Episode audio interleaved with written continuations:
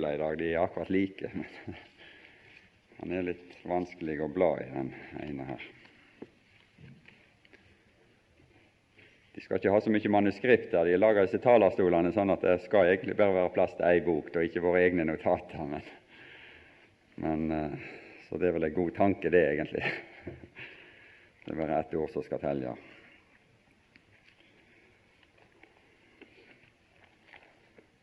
Vi skal fortsette litt der i, i, med utgangspunkt i Romerbrevet 8.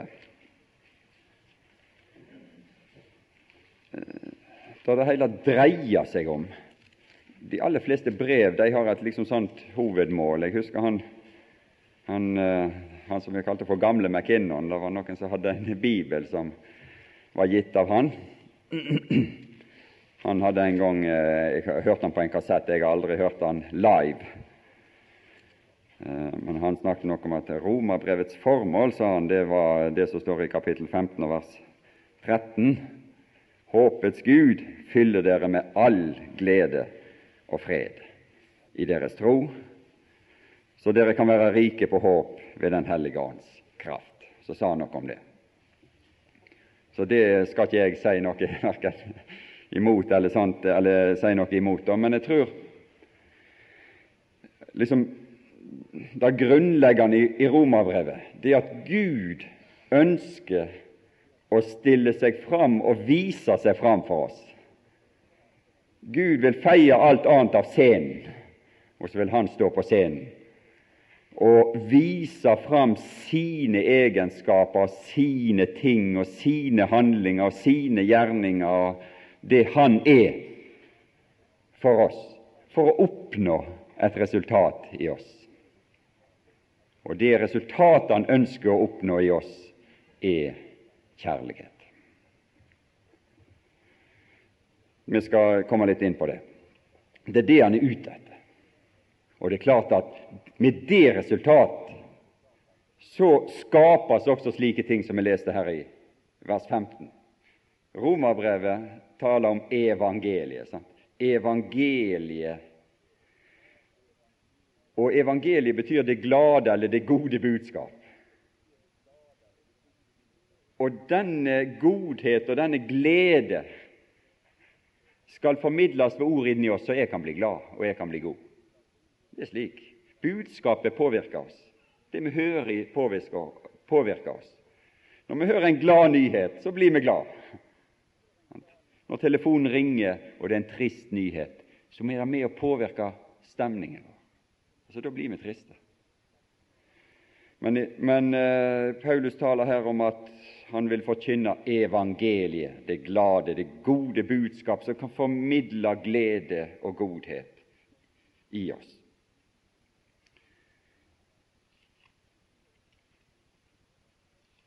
Vi ser litt der i, i, i Romerbrevet 8. I vers 31 så spør eh, Paulus et spørsmål hva skal vi da si til dette. Paulus har på en måte her gjort opp et regnskap. I vers 18 så sier han For jeg holder for at den nærværende tids lidelser ikke er å akte imot den herlighet som skal åpenbares på oss. Jeg holder for. Det uttrykket der det betyr at han bedømmer et resultat etter å ha gjort alle beregninger, etter at alle beregninger er gjennomført, etter at alle forhold er tatt med i kalkylen, så kommer han fram til et resultat. Alle inntektsposter og alle utgiftsposter er tatt med, og han har stilt opp et regnskap. Og så her i, i vers 31 så like som lener han seg tilbake og så kikker han på rubrikkene. Inntektsposter, utgiftsposter. Så ser han på totaliteten. Og da spør han, når Gud er for oss, når han ser på inntektssida Gud er for oss, så tar han en titt på utgiftssida. Hvem er da imot oss? Og med ei slik inntektsside så utfordrer han alle utgiftsposter. For det er inntektssida representerer en slik voldsom kapital, som man kan møte alle utgifter med. Han spør hvem. Dette dreier seg om personer. Det dreier seg om makter og myndigheter. Det er det det dreier seg om. Når Gud er for, hvem er da imot? Og den Gud, sier han i neste vers, som er for oss, han sparte ikke sin egen sønn, men gav han for oss alle, og han gir oss alle ting med han. Alle ting er gitt oss med han. Og i en slik situasjon så er han i stand til å utfordre hvem som helst. Hvem vil anklage? Hvem vil fordømme? Hvem vil skille oss, i vers 35, fra Kristi kjærlighet? Og Så kommer alle disse utgiftspostene trengsel og angst og forfølgelse, hunger, nakenhet, fare, sverd.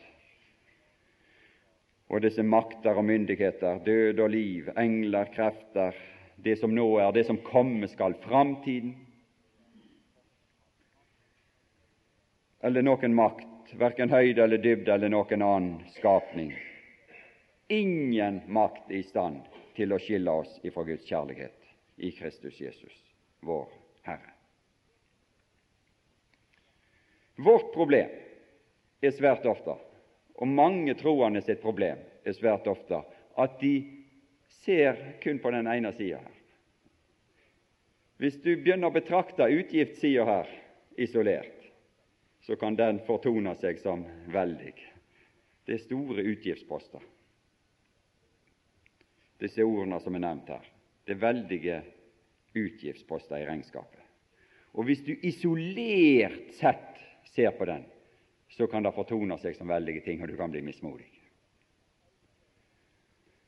Men det som Paulus gjør, det er at han lener seg tilbake, og så ser han oppstillingen i samla han ser både utgifter og inntekter samla, ei samla oppstilling. Og Derfor er hans liv fått inn en slik balanse og et guddommelig overskudd. Paulus blir et gjennombalansert overskuddsmenneske ved å betrakte begge sider. Og det er det vi også må gjøre. Du må betrakte begge sider i denne, i, i denne oppstillingen her. Og så blir du et balansert overskuddsmenneske. For et voldsomt overskudd! Det er det som er sagt. Han sier at 'jeg holder for' Altså, jeg har nøye gjort opp et regnskap og holder for at den nærværende tids lidelser, de er ikke å akte. Utgiftspostene er egentlig ikke å akte mot. De er å akte. De er svære men de er ikke å akte mot den herlighet som skal åpenbares for oss.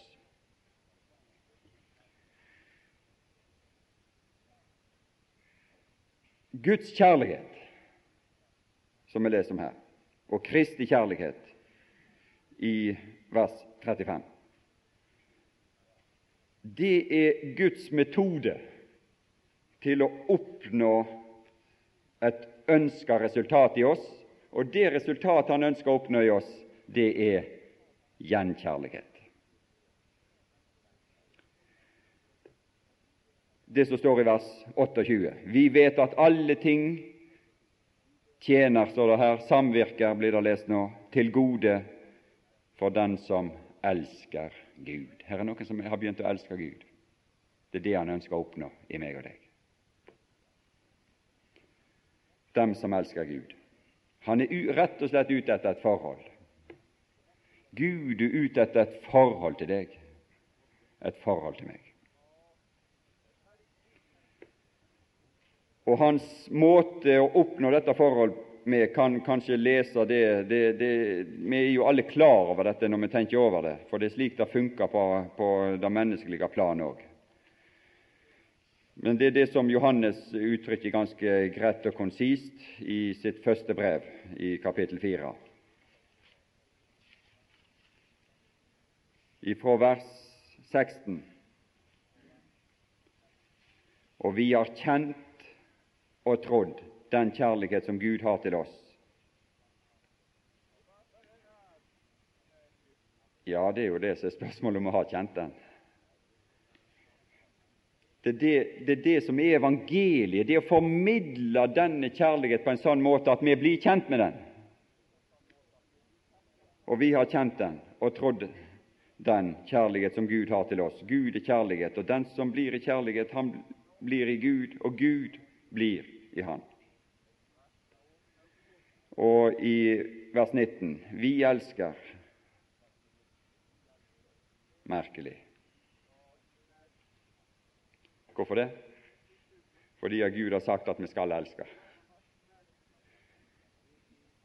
Ja, det er det Han har sagt. Gud har sagt det at vi skal elske. Og det er det som står her i begynnelsen på Romerbrevet 8, som vi skal lese litt om. Men det er ikke derfor vi elsker, for Gud har sagt at vi skal elske. Det er ikke derfor. For det er ikke Guds metode å oppnå sitt ønske i oss. For Guds metode er en det er den som står her. Vi elsker fordi Han elsket oss først. Og Så taler han litt om broderkjærlighet, og så taler han litt om Guds bud. Og Så sier han i 5.3 at dette er kjærligheten til Gud, at vi holder Hans bud, og Hans bud er ikke tunge. For alt det som er født av Gud, seirer over verden. Og dette er den seier som har seiret over verden, vår tro. Hvem er den som seirer over verden uten den som tror at Jesus er Guds sønn? Jeg skal ikke si noe mer om det. Dette er en slags oppsummering, om du kan si, egentlig av Romerbrevets budskap, nemlig det å elske Gud og elske sin bror. Og I Romerbrevet så kalles det her i, i Romerbrevet 8, i vers 4, så står det et uttrykk lovens krav, eller lovens forskrift. Lovens krav, lovens forskrift. Og hva er det? Loven har et krav. Men loven kan ikke utvirke det kravs oppfyllelse i oss. Men loven har et krav. Det som er umulig for loven, står det her i vers 3 det som var umulig for loven. Det som var umulig for loven, det gjorde Gud. Men det som var lovens krav, det var at vi skulle elske Gud, og at vi skulle elske nesten som oss sjøl. Hvis vi ser litt i 5. Mosebok, når Moses tar seg for å utlegge det som hendte med Israel på deres ferd fra Egypt til grenselandet der, når de skulle gå over, så sier han i kapittel 6, i vers 4, Hør, Israel, Herren vår Gud, Herren er én, og du skal elske Herren din Gud av alt ditt hjerte, av all din sjel, av all din makt. Og når det kommer en mann til Jesus i Markus 12, så siterer Jesus dette her, og sier at dette er det første bud. Han summerer opp og sier at dette er det første bud i Markus 12. Og han siterer Moses.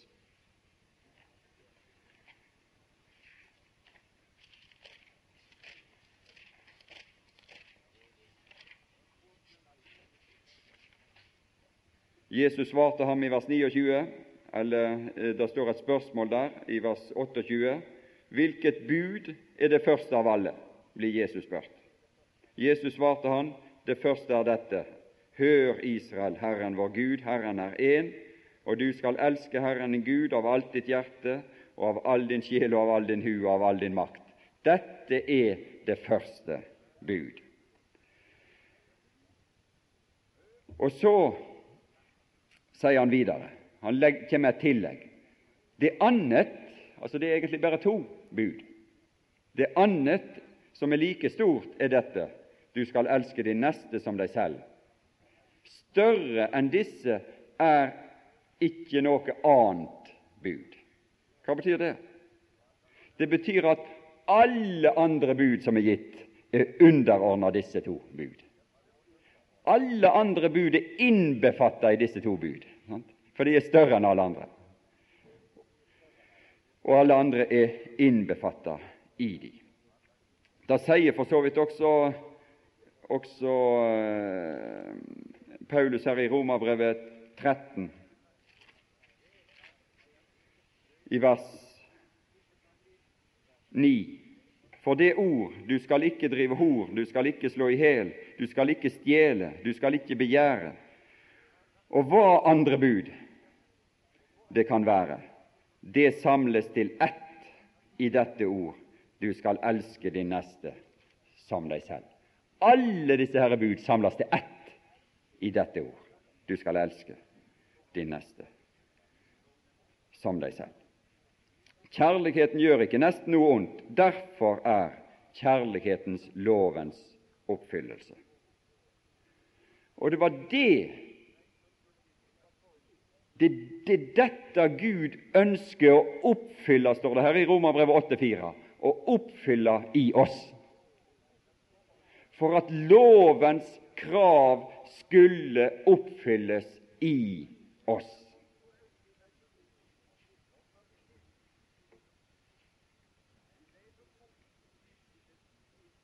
Tenk for et regime egentlig dette her er. For et rike. Et folk som styres av ei lov full av kjærlighet. Kan det tenkes noe bedre regime, tror du? Kan det tenkes noe bedre land å bo i? Kan det tenkes noe bedre autoritet enn å leve under ei lov fylt av kjærlighet.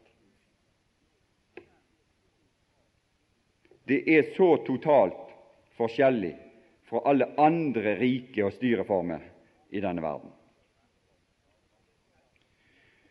Når Gud gav denne lov til Israel, så var de omgitt av rike, av fyrster, av folk med svære palass, enorme gudetempler, store presteskap og lover som var laga ut ifra fyrstene sitt lynne og sitt maktutfoldelsesbehov.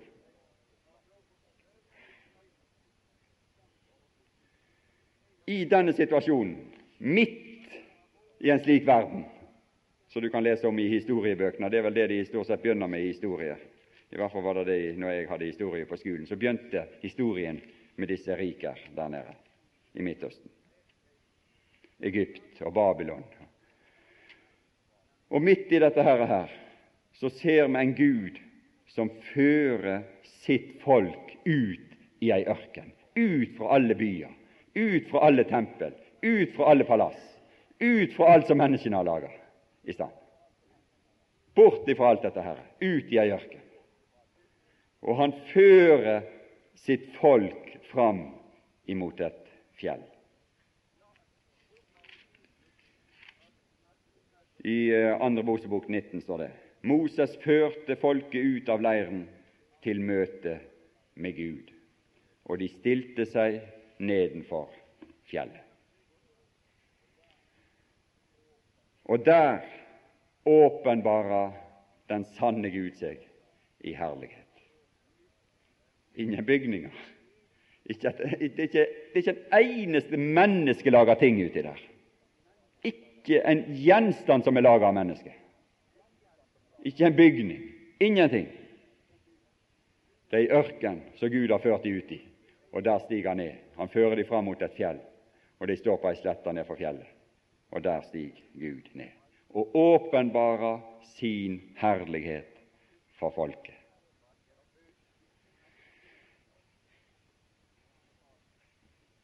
Så begynner han å tale i, vers, i kapittel 20. Da talte Gud alle disse ord og sa:" Jeg er Herren din Gud. Og i vers 6 så sier han, som gjør miskunnhet mot tusen ledd, mot dem som elsker meg. Kjærligheten er der inne i hans bud i forbindelsen. Mot dem som elsker meg.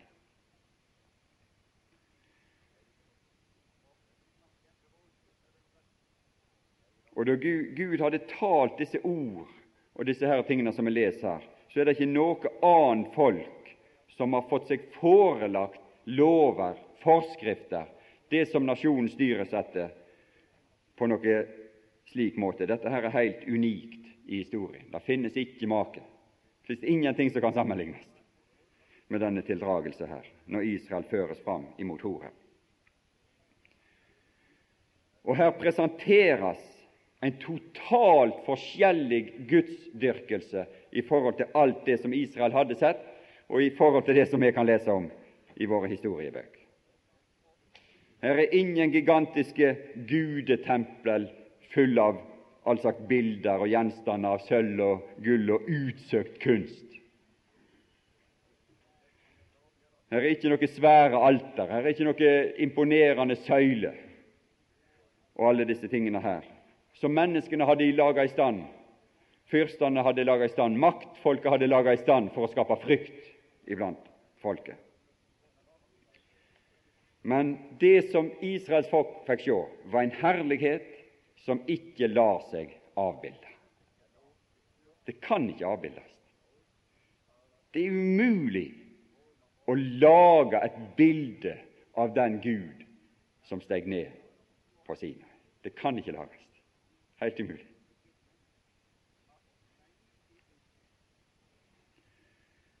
Og det er det som er menneskets grunnsynd, det er når de lager bilde av Gud. Hvis vi leser her i, i, i, Det står jo her det at du skal ikke gjøre deg noe utskåret bilde eller noen avbildning av det som er oppe i himmelen, eller det som er nede på jorden, eller det som er i vannet nedenfor jorden. Og du skal ikke tilbede dem og ikke tjene dem. Og Det er jo det som er menneskets grunnsyn. Du, du, du har det i, i, i Romerbrevet 1 her. Det står at, i vers 23 der at de byttet bort den uforgjengelige Guds herlighet. Tenk det. De byttet bort den uforgjengelige Guds herlighet mot et bilde en avbildning av forgjengelige mennesker, av fugler, av firfødte dyr, av krypdyr. Derfor, som en umiddelbar følge av dette, så kommer disse neste ting som følger med, nemlig tempelskjøget, tempelbolere og et maktapparat som utfolder et liv i umoral og urettferdighet. Det er en automatisk følge av det hele. Og Derfor er historien stort sett en historie om synd og urettferdighet og umoral. I den grad historien er historie om konger og de som er i høg, har vært i høg makt og myndighet. Det er undertrykkelse, urettferdighet, synd, umoral som har florert. Og nå I våre dager så begynner jo dette her som var hadde altså forbeholdt det livet som var forbeholdt eh, de mektige i middelalderen, det er nå i ferd med å bli alminnelig. Hvorfor det? Det er fordi at den uforgjengelige Guds herlighet ble bytta bort mot et bilde. Det kommer som en automatisk følge.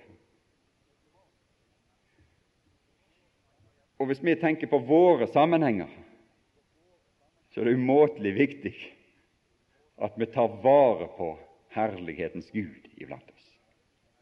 At, at, han, at vi møter Han i herlighet, for at ikke ting skal begynne å florere iblant oss av den art som vi leser.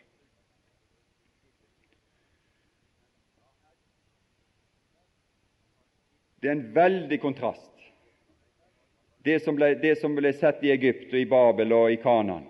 En veldig kontrast imot det bildet og den framstilling vi ser her. Her er ikke et eneste tempel.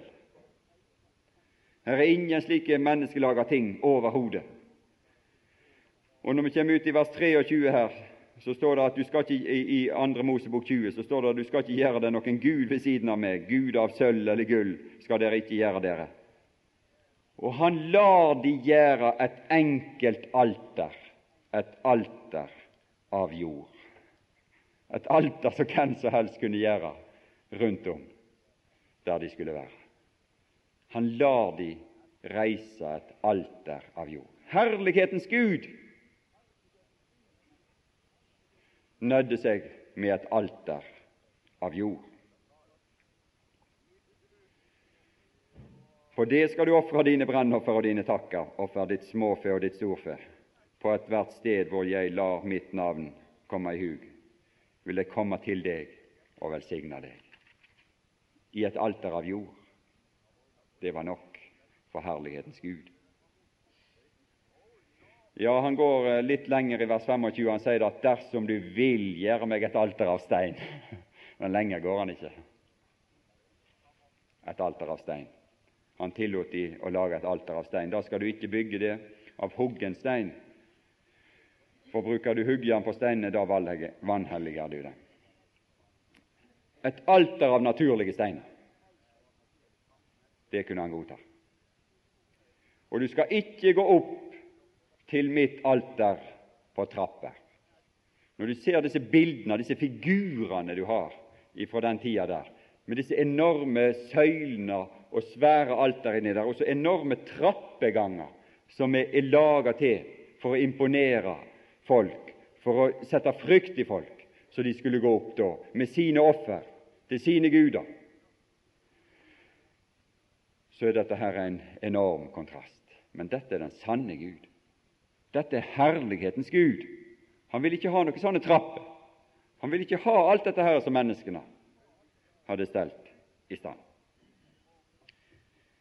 Det er en voldsom kontrast til hans enkle lover, der de med sine utsøkte kunst og veldige arkitektur og alter og trappeganger brakte sine guder sine offer.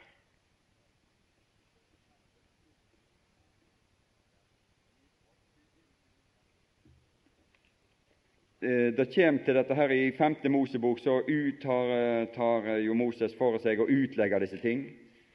Der, som, vi, som vi, vi så litt i kapittel 6. I kapittel 4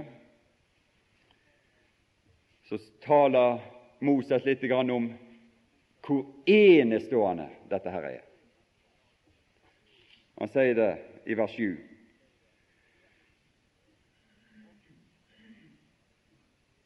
Ja, han sier i vers 6 så skal dere ta vare på dem, altså mine lover, og holde dem, og det vil bli regnet for visdom og forstand hos dere av andre folk. Det er noe merkelig, det. Det er noe merkelig. De som ikke hadde noe å imponere med, ytre sett. Det er noe med herlighetens Gud når var i, han var i de, og når de bar med seg hans bilde i sitt indre. Så skulle det bli regna de for visdom og forstand av andre folk. Når de får høre om alle disse lover, vil de si sannelig, et vist og forstandig folk er dette store folk. For hvor finnes det et folk, om det er aldri så stort, som har guder som er det så nær som Herren vår Gud er? Så titt vi kaller på Et enkelt alter av jord kan du reise deg, hvor som helst og der kan du ha ditt samfunn med Gud. For en kontrast til det alle andre folk opplevde i sine religioner, i menneskets ymse religioner. Herren er nær, så titt vi kaller på Han. Og hvor finnes det et folk, om det aldri så stort, som har så rettferdige lover og bud som hele denne lov jeg legger fram for dere i dag. Det var dette de skulle formidle videre. Vokt deg bare og ta, vel, ta deg vel i akt, så du ikke glemmer det dine øyne har sett. Hva, det, hva var det deres øyne hadde sett? Hvis vi går tilbake til 2. Mosebok 20, så står det hva øynene dere hadde sett. I vers 22. Herren sa til Moses, så skal du si til Israels barn, dere har sett hvorledes jeg talte til dere fra himmelen. De har sett ord. Det er det som er det unike med Gud, vår Gud, sannhetens Gud. Han formidler seg med ord. Han blir synlig ved ord, ikke bygninger. Han gjør seg synlig ved ord. Og Det er det som kan du si er på en måte både min og din Ja, det, er det så populært å bruke ordet utfordring i våre dager. Om vi har noen utfordring, så er det å prøve å greie å formidle sannhetens Gud, den usynlige Gud, til våre omgivelser ved ord. For det er slik, han, det er slik det sanne bildet av Gud blir synlig, det ved ord, ved Hans ord.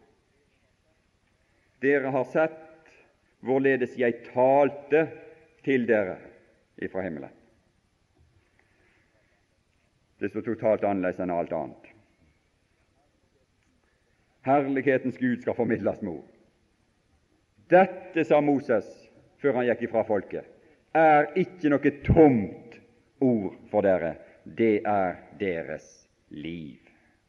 Det er dette som er liv. Vel,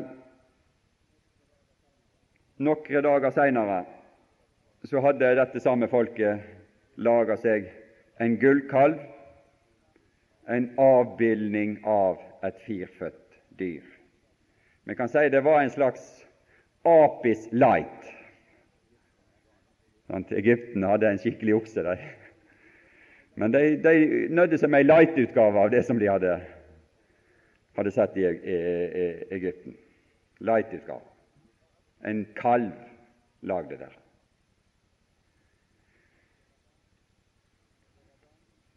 Og det var dans til full musikk og sang som følgde med.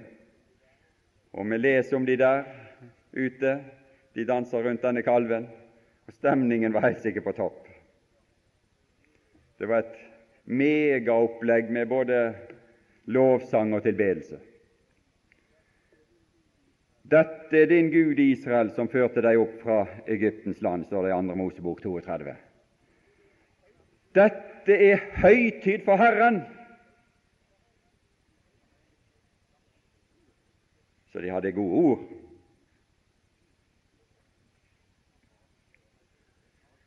Og det var helt sikkert topp. Det var en topp opplevelse for de som var med på dette. Helt sikkert. Hvis du hadde intervjua hadde du stukket opp en mikrofon i ørene på en som dansa rundt gullkalven og var med i sangen og dansen, han hadde helt sikkert en topp opplevelse. Helt sikkert. Og det går ikke an å argumentere mot følelser og mot opplevelser. Det er vanskelig, det.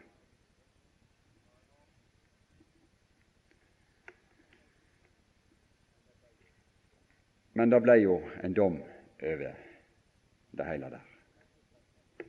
Og det var en som felte en dom, Josma. Han var ikke helt sikker på hvordan han skulle bedømme dette. Han var nok i stuss.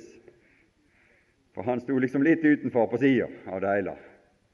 Men Moses, når han kom, så visste han hvordan han skulle bedømme det. Hvorfor det? Han hadde vært i herlighetens Gud. Og møtet med herlighetens Gud satte han i stand til å dømme om de forskjellige ting iblant Guds folk. Og skal du og jeg være i stand til å bedømme de forskjellige ting som foregår iblant Guds folk, så må vi ut utenfor leiren i møte med herlighetens Gud. Ellers blir vi ikke i stand til å dømme korrekt. Så syns vi det er greit, alt. Alt som følelsesmessig er ok, blir da greit. Opplevelsesmessig er ok syns vi er greit. Men det er ikke greit. Denne enestående lov, som var full av kjærlighet til Gud og til nesten, denne enestående lov makta ikke å holde folket oppe til å gjøre, og den makta ikke å gjøre Guds gjerning i folket. Og Det står her i Romerbrevet 8,3 at det var umulig for loven, fordi den var maktesløs på grunn av kjøtet. For den rår nemlig, nemlig ei annen lov i kjøtet. Romerbrevet er fullt av lover, forskjellige sorter lover med ulike betegnelser. Og så er det betegna ei lov som det står råde i vårt kjøp, som bestemmer hvordan mine armer og bein og tunga og eh, følelsesliv skal arte seg. Og den lov kalles for syndens lov. Det er den som styrer, og det er den som er drivverket i mitt legeme. Det er en annen lov som får oss til å bevege oss syndens lov. Men mens folkets synd åpenbarte seg, så talte Gud med Moses om en ny innretning som skulle settes opp midt iblant folket, midt iblant Guds folk. Han talte om et telt og Han sa at i de teltet skulle det bl.a. gjøres ei ark, ei kiste, og i den ark, i den kista, så skulle vitnesbyrdet, så skulle Guds lov legges ned. Og på, oppå der igjen skulle det lages et låk, og oppå det låket igjen skulle det være to kjeruber som vokta over det som skulle foregå over dette låk. Og Så sier han i Andre Mosebok 25, 22 at jeg vil komme sammen med deg der. Jo, men han hadde jo kommet sammen med folket på fjellet. Han hadde jo møtt hele folket på fjellet og gitt sine lover på fjellet. Var dette nødvendig? Var det nødvendig med noen ny plass?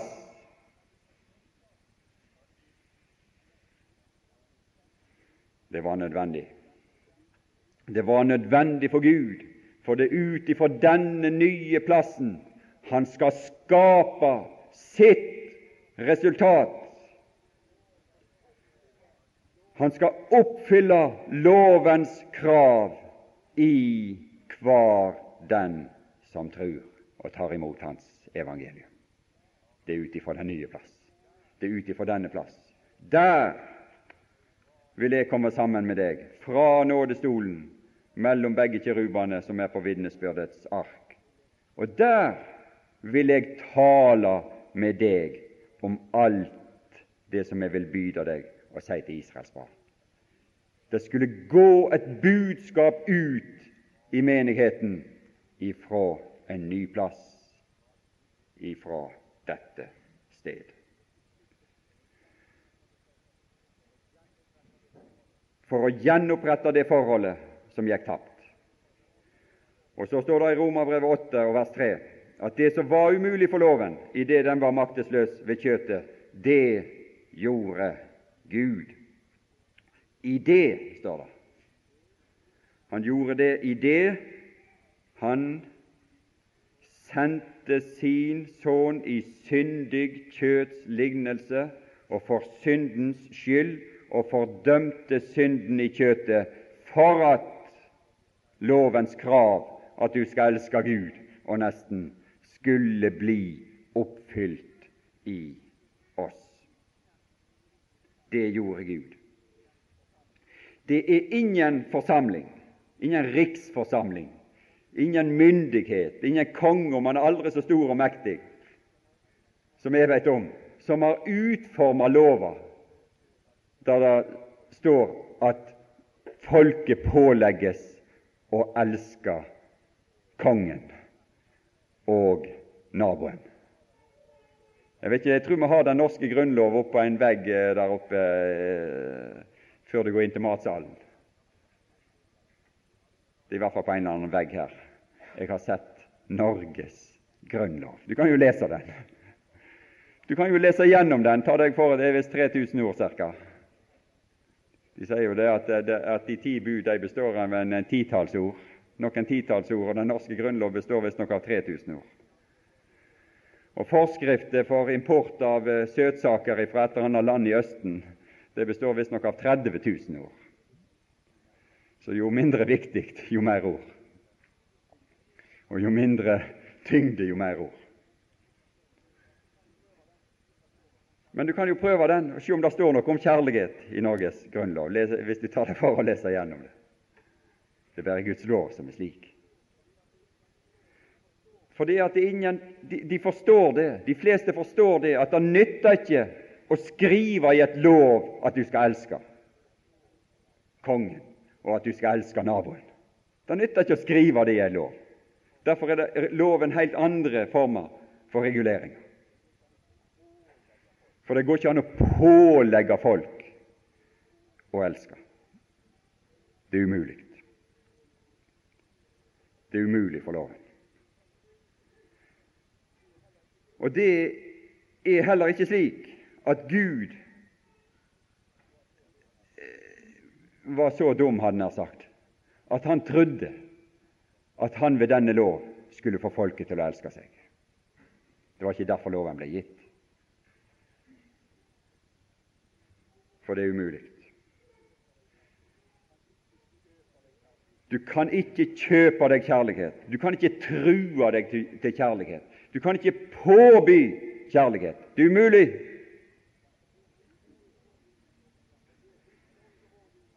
Og det visste også vår Gud når han åpenbarte sin lov. Men han visste også at veien til å oppfylle lovens krav i oss, det var ved sjøl å elske. Og det gjorde Gud i det Han sendte sin sønn ned i denne verden. Og han så ut som en av oss i syndig kjøts lignelse. Og han førte denne fram til en bestemt plass. Og på denne bestemte plassen så gjorde han opp med alt. Han gjorde opp med våre synder. Han gjorde opp med synden og fordømte synden i kjøtet. Og i det han gjorde dette, her, så står det her i kapittel 5 i Romerbrevet og vers 8 at Gud viser sin kjærlighet mot oss, derved at Kristus døde for oss mens vi ennå var syndere. Gud viser, og det er en presensform, en notidsform, og Det betyr at det som Gud gjorde på Golgata, ikke var nok et øyeblikks innskytelse, at han plutselig fant på noe, at han plutselig ble overvelda med liksom en slik trang til å ofre Jesus for oss. Men det han gjorde på Golgata, er et uttrykk for det som bor i han alltid. En alltid tilstedeværende kjærlighet som bor i Gud. Det er det som står her. Gud viser sin kjærlighet og den kjærlighet som han viste på Golgata, den eier han i like sterk grad til meg og deg i dag, i dette øyeblikk. Det er det som står her. Viser.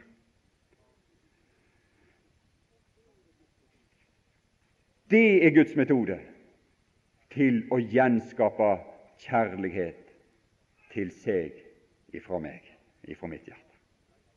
Det er lovens krav at vi skal elske Gud.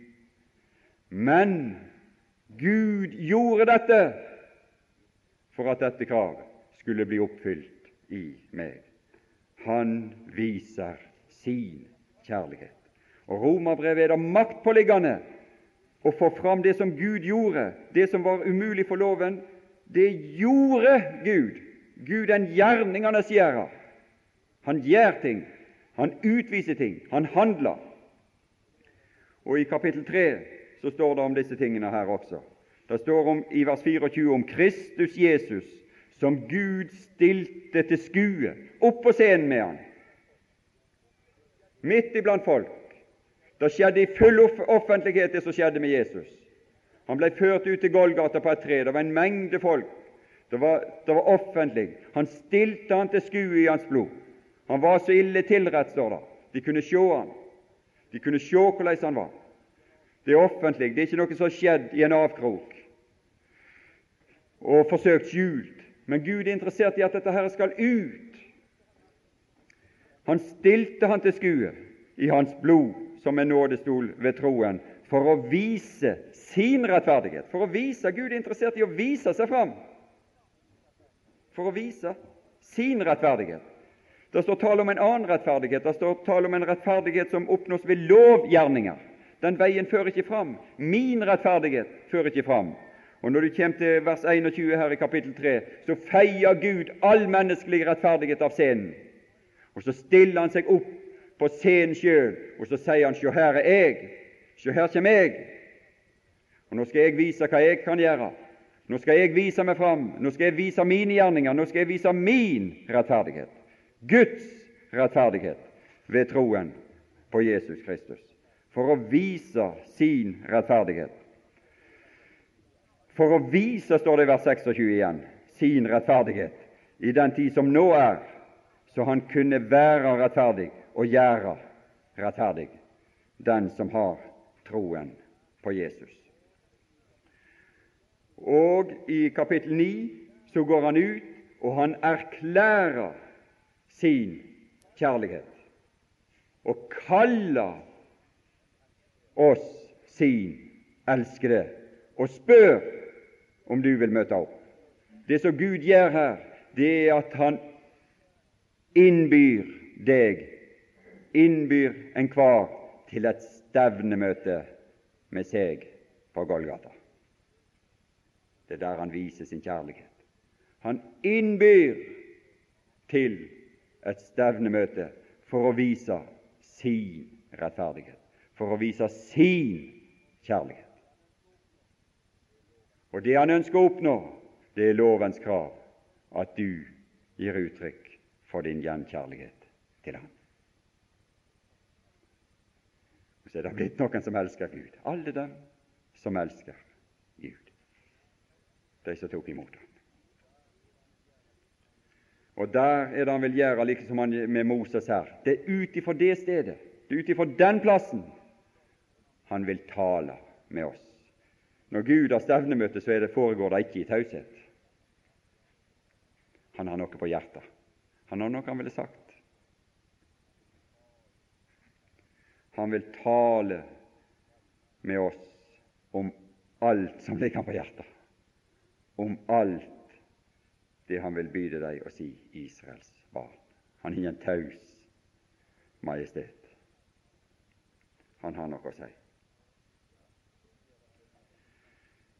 Og da skjer dette underlige som vi leser om i Romerbrevet 8,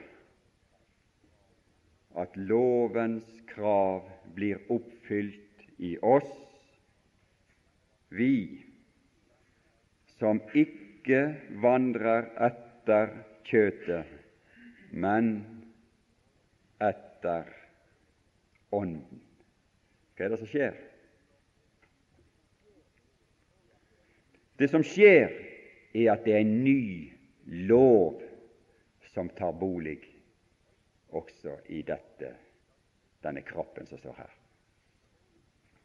Det er det underlige.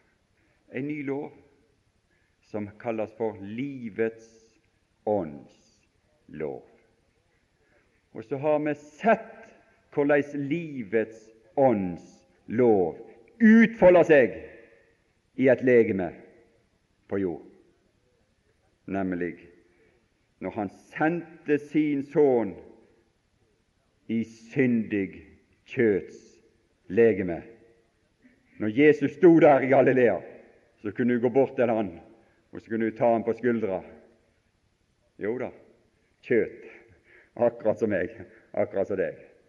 Det å ta på han kjentes ut akkurat som å ta på en hvem som helst annen person.